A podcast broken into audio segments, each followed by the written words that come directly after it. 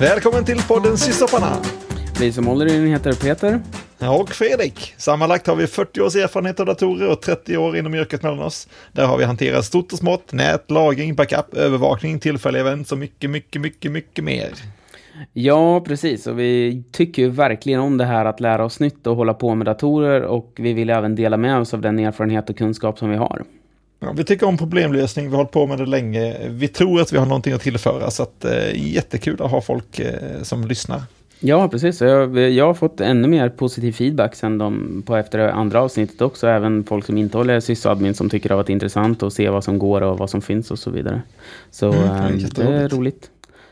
Och eh, vi gillar ju att ligga i framkant så vi börjar med som vanligt med lite nyheter. Ja, jättekul. Eh, jag har en om typo-squatting. Det vill säga som domain-squatting. Typ att eh, man skriver Google fast med tre O och så lägger man upp massa reklam på den sajten och så hoppas man att folk skriver fel.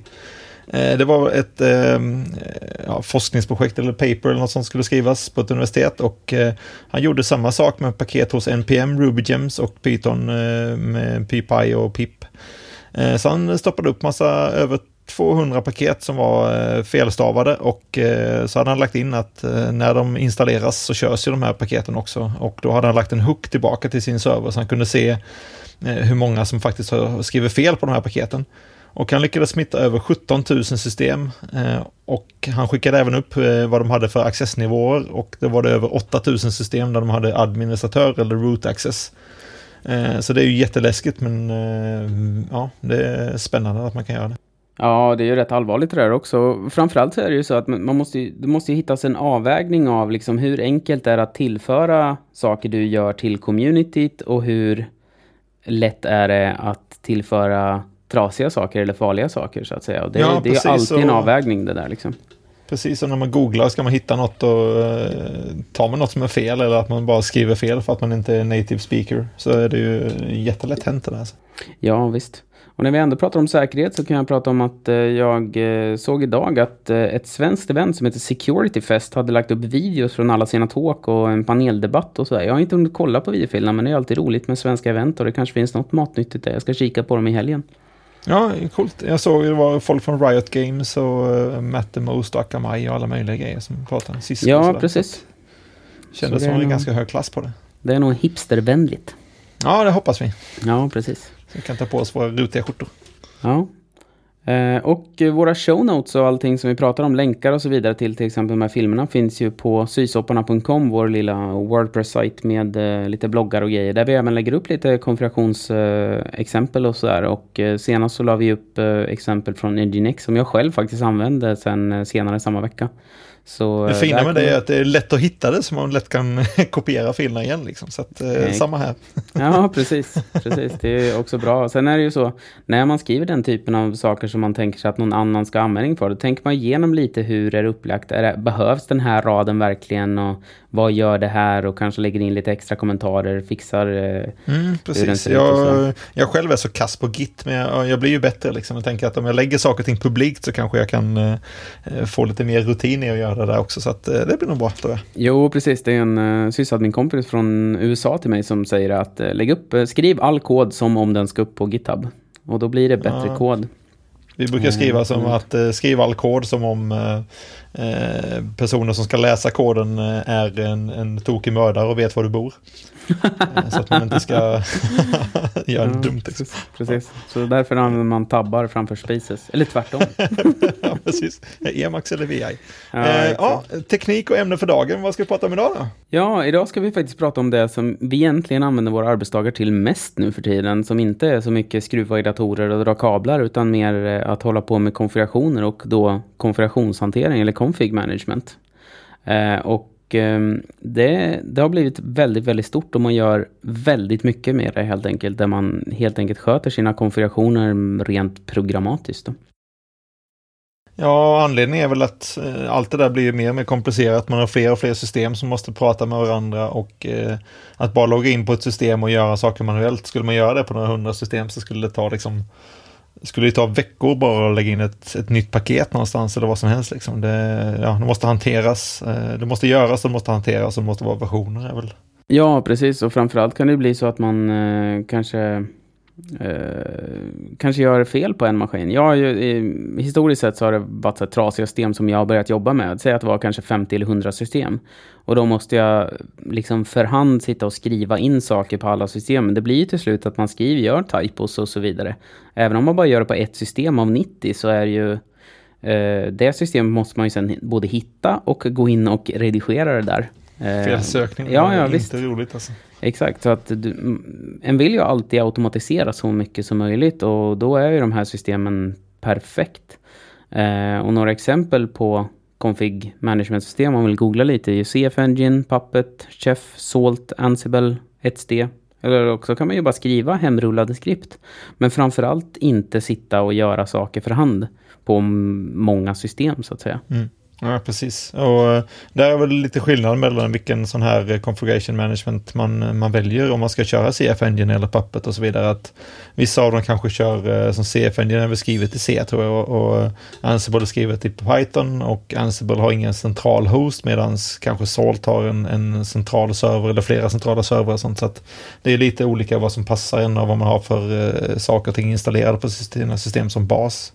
Ja, exakt. Eh, och framförallt den stora vattendelaren är ju så här, krävs det en central server eller är det så att man bara trycker ut saker vid behov?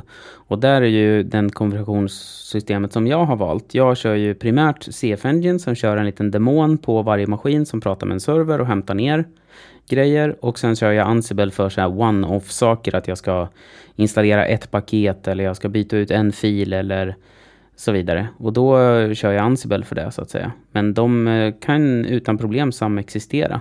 Och fördelen när du har ett konfigurationshanteringssystem är att du kan ta det systemet och installera ett annat och byta ut det med. Liksom. Ja, precis, det, det blir inte jobbigt på det sättet. Nej, exakt. Det, det är liksom, nu, nu är det ju sådana saker som man kanske går in och gör bara för att ja, men jag ska städa upp lite. Och då skriver man ett promise eller en Ansible playbook för exakt det som ska göras istället för att skjuta upp det. För att det nu tar det tio minuter istället för att det är en två dagars jobb som är mördande tråkigt. Liksom. Mm, framförallt när man har flera hosts, och ska SSH in och göra något, copy-pasta och ändra en fil och klippa ut något. Och... Ja, ja, precis. Mm, ja, Det är inte roligt alls. Nej, precis.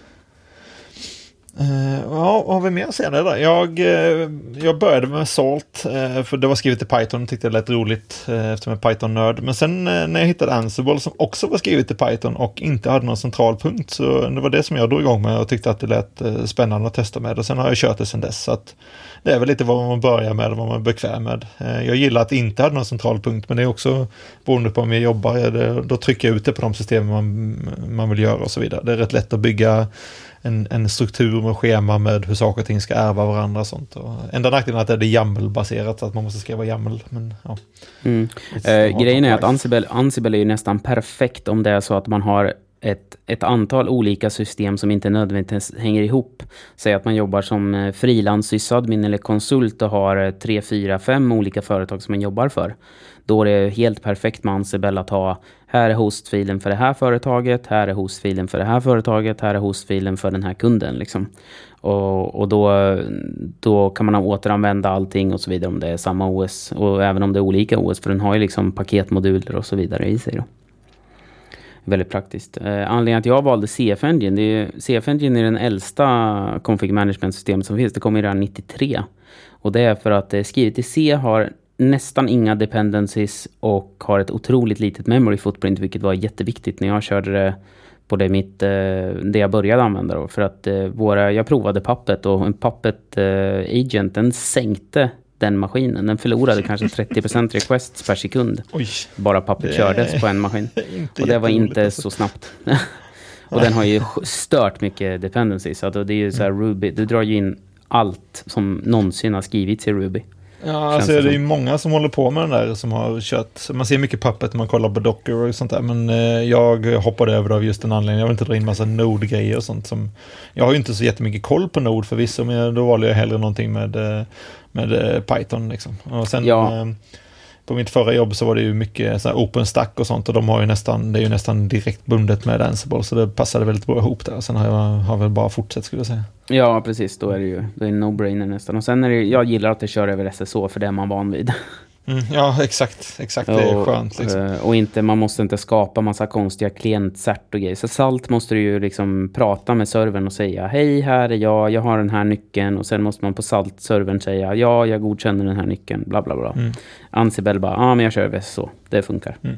Precis, och sen bara, ja men eh, jag gör allting som den här usen, men eh, de här sakerna gör jag som den här usen istället. Och så är det bara att stoppa in sudo och user och sånt. Nej, det är Exakt. Ja, det, det, är väldigt, det, det känns genomtänkt. Så många mm. av de här grejerna. Så. Och det är väl lite det här klassiska Python Batteries Included också, att det finns moduler för i princip allting man vill göra med att hämta och packa upp och flytta och stoppa in i databaser och starta Docker-containers och länka dem och sånt. Så att det, ja, det känns väldigt det, det, är ganska komplett redan med man installerar den. inte så mycket egna, depend, eller egna paket man behöver skriva, även om man såklart kan göra det ganska enkelt. Nej, nej, precis. Det är mer skriv, gör det här och sen bryr man sig inte så mycket om vad, hur den gör det. Liksom. Och det är ganska skönt.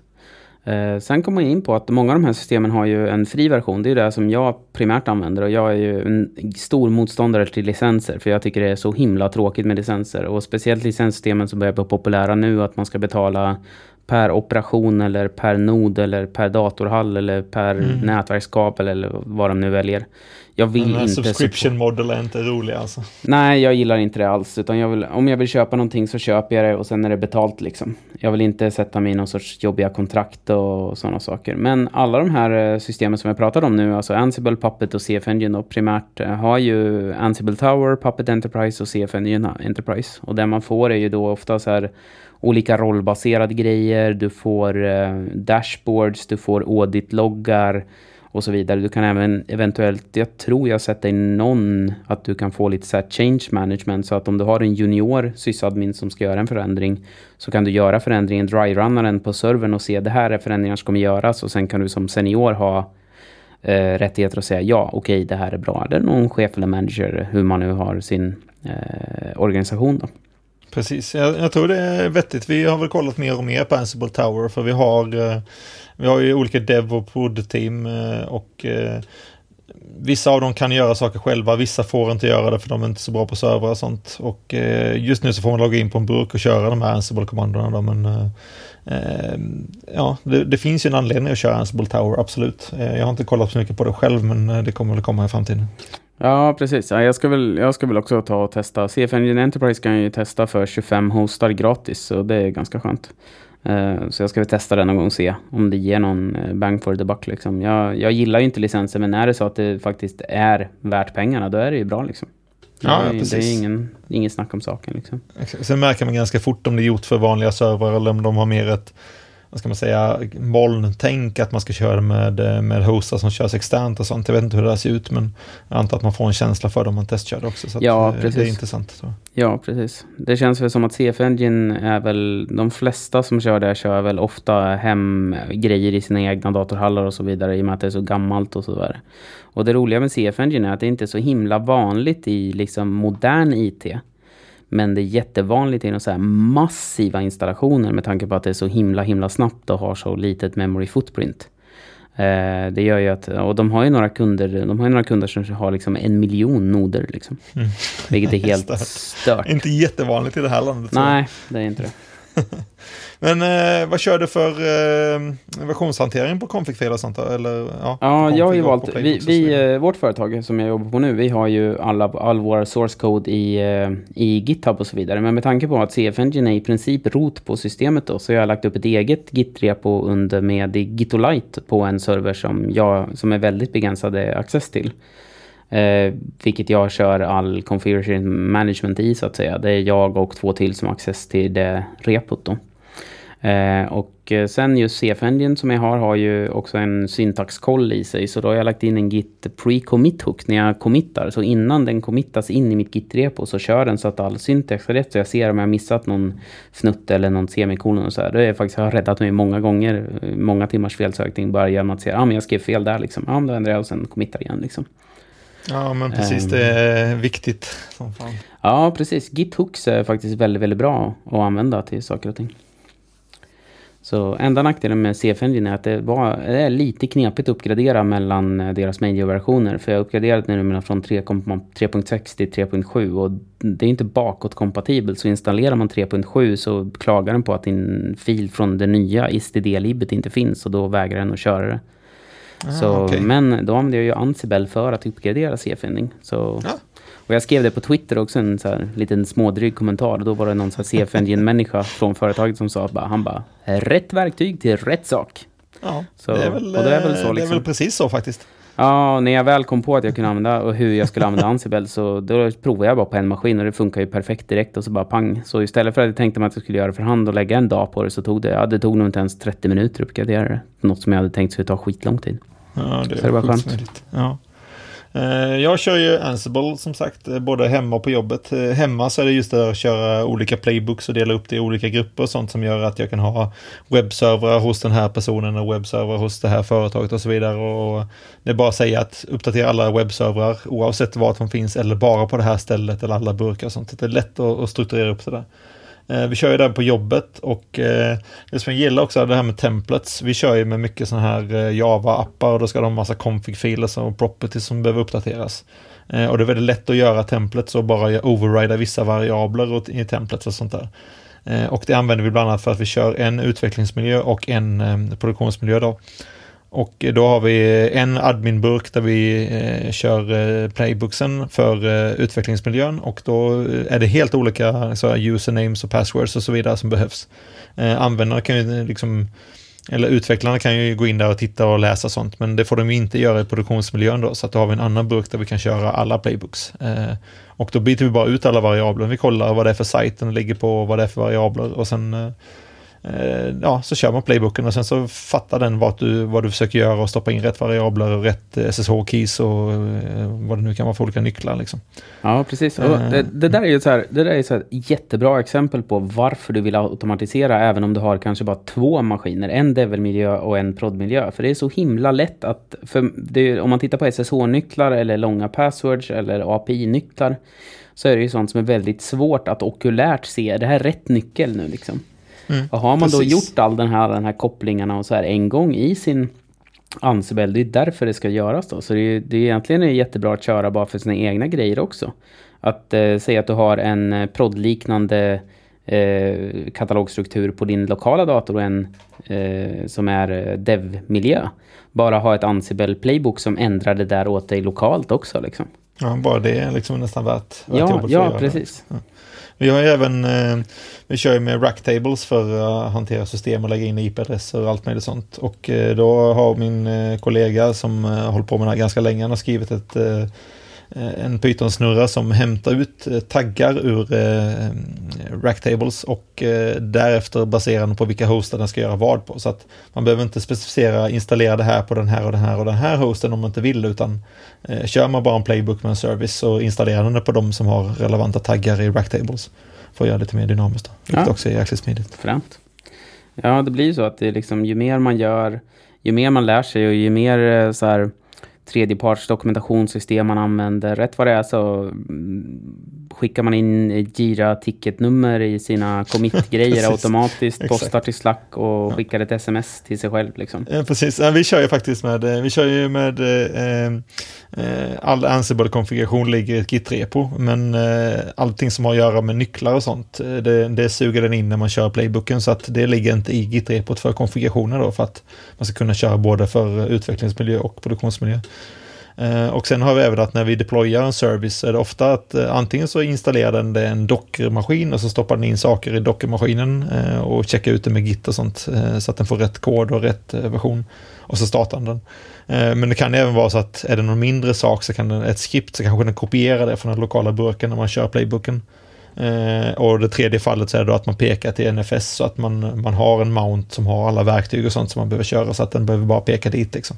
Eh, beroende lite på vilket use case man har också. Eh, och Ansible, eh, de andra har säkert också det, men Ansible så är det väldigt smidigt när man ska sätta upp eh, Docker-containers också. Det är lätt att bara säga att eh, gör det här, bla bla bla och installera de här grejerna från den här dockerfilen och mappa de här portarna och så vidare. Vilket gör att man kan ha olika portar och environment-variabler för eh, utveckling och produktionsmiljö. Och sen eh, det sista som vi gör där är att vi kör rätt mycket med taggar. att Kör man bara en playbook då, då försöker den att installera ett system från scratch i princip. Liksom alla, kolla att alla dependencies finns installerade och sånt. Man kan även sätta på en tagg som är config. Då tar den bara och genererar config-filen som behövs och stoppar ut den på burken. Men den startar inte om Eh, och sen kan det vara då deploy, att den faktiskt installerar en hel Docker-container med någonting. Och sen kan man sätta en config för restart. Så att, bara, ja men jag vill kopiera ut configen, ja, stäck T config. Och så kopierar den ut configen på alla burkar och sen restart så kör den bara det. Så att det är lätt att säga vilka saker i en playbook man vill göra och overrida dem med, eh, med en tagg. Eh, vilket jag tycker är jättepraktiskt. Ja, där, eh, där berör ett ämne som jag har funderat på ganska mycket i, eh, för mitt CF-engine. CF-engine körs ju var femte minut eller varje kvart eller beroende på vad man ställer in. Då. Men default är att det körs var femte minut lokalt på maskinen. Då. Så att om jag trycker ut en ny config till min eh, master så kommer den suga ner de nya config-filerna och köra efter ungefär fem minuter. Men om jag har en restart så kan det ju bli så att alla frontändar startar om samtidigt och tappar sina mm. connections. Då. Och det vore ju ganska dåligt. Eh, så det där är en sak som jag funderar på att ta bort det från CF Engine, att bara skriva konfiger och sen köra restarten från Ansible då när jag väl har tryckt ut någonting. Då. Ja, eh, vi, att man, göra det precis ja, när jag vill göra det.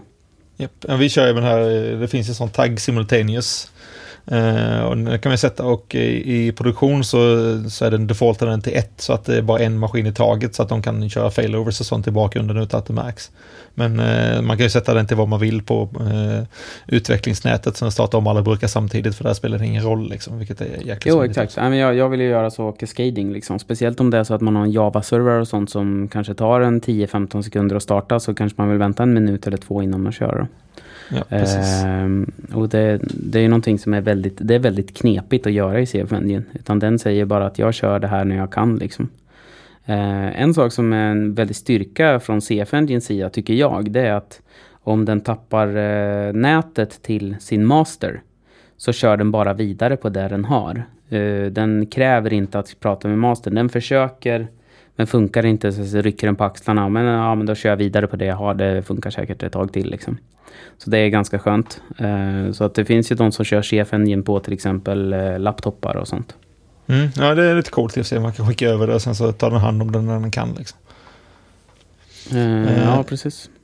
Jag hade en sak till här med Ansible och det är så att vi på vår utvecklingsmiljö så har vi ju utvecklarna har oftast lägre rättigheter så att vi har faktiskt gjort så att vi kör Ansible playbooken i en Docker. Så att eh, man går in på maskinen så kör man Ansible Playbook och då wrappar den in i en Docker som i sin tur kör Ansible Playbook. Så då kan vi välja vilken Ansible-version vi kör under tiden den körs och sen även nycklar och sånt behöver inte vara kopplat till eh, användarens skal utan det kommer automatiskt i Docker-versionen då och sätts beroende på den. Då. Jaha, Lite coolt. Okay. Men vad är det som hindrar att användaren själv suger ner den där docken och gör vad som helst med den? Ja, den, de har inte rättigheter till, eh, till det nätet utan det kan bara den burken komma åt från. Så att, ah, okay. så att, ja, jag tror det är en ganska smart lösning. Det kan vara vettigt att tänka på. Nu är vi lite dockifierade och jobbar på microservices här. Så att, ah, jo. Men alltså det är ju otroligt svårt. Det var ju, det var ju som idag liksom. Jag kollade på lite docker image för olika typer och jag smällde upp. Jag hade aldrig kört Salt alls. Men det tog mig fem minuter så hade jag smält upp en uh, salt stack med en master och typ fyra minions som jag höll på och mm. meckade mm. med, med olika hostnames och höll på och grejade med liksom, och installerade paket och testade lite, körde deras 10 minute start uh, liksom. Och det är ju otroligt smidigt och det tog inga resurser på min maskin och, och så vidare och så vidare.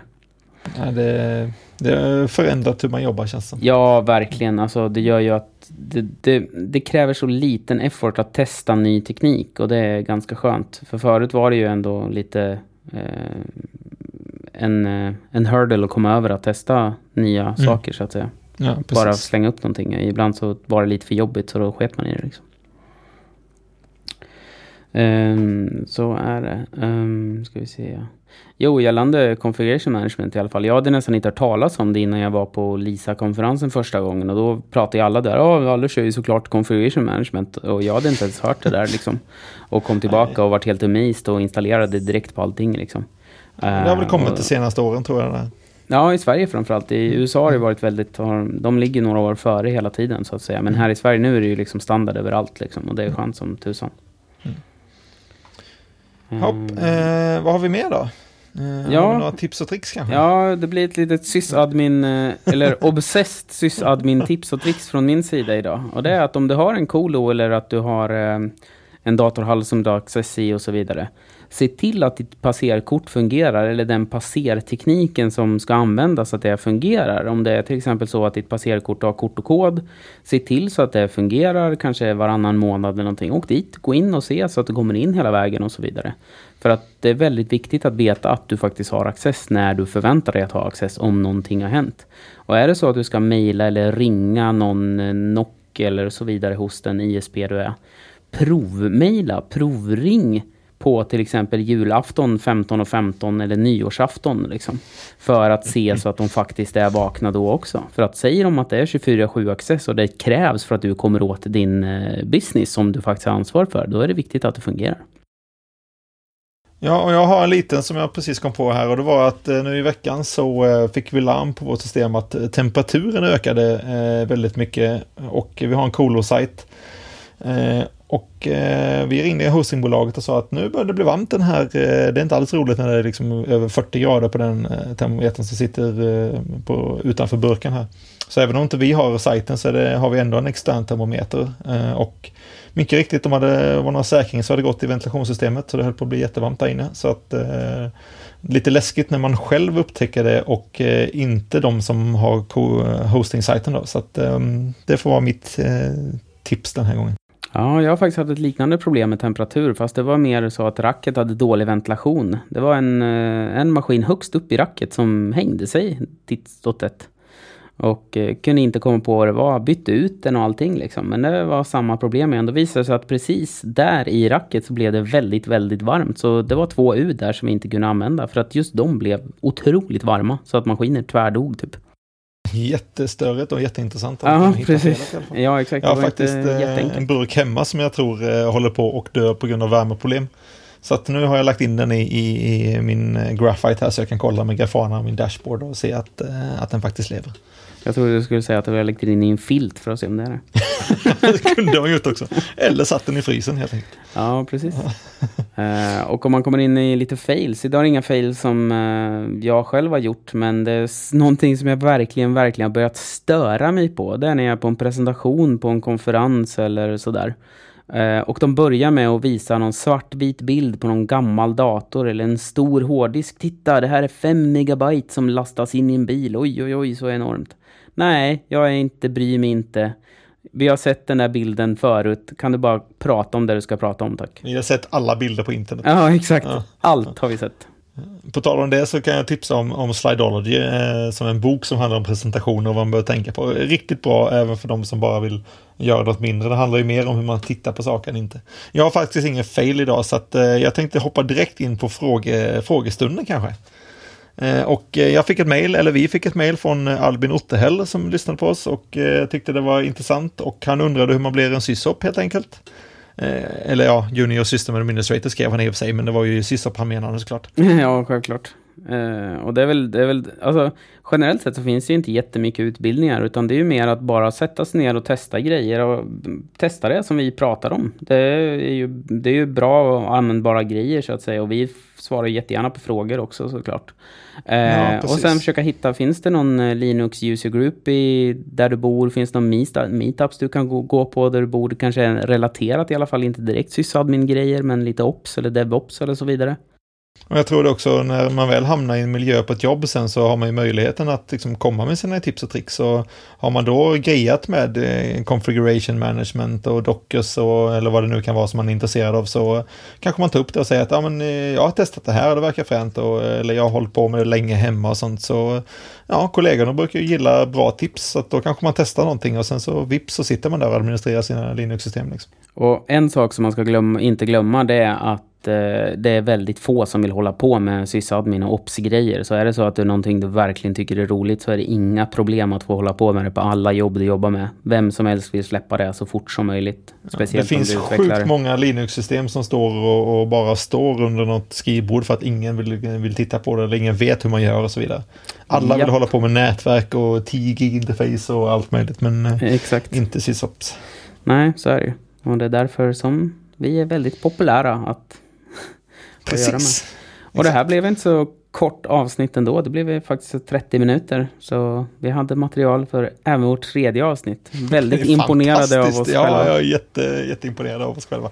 Ja, så ni får eh, hoppas att det här har varit lite matnyttigt också. Vi ska väl försöka slänga upp lite playbooks och sånt och det kanske inte kommer upp i precis när avsnittet har kommit men jag tänkte fylla på med lite CF Engine-exempel och sådana saker eh, under veckan som kommer när jag har tid helt enkelt. Mm, grymt, jag ska försöka slänga upp något och eh, vi finns på syssaparna.com som sagt. Där hittar ni eh, show notes och eh, de här roliga sakerna som Peter precis sa. Ja, precis och det var trevligt. That's all folks. Mm. Hej då. Hej då.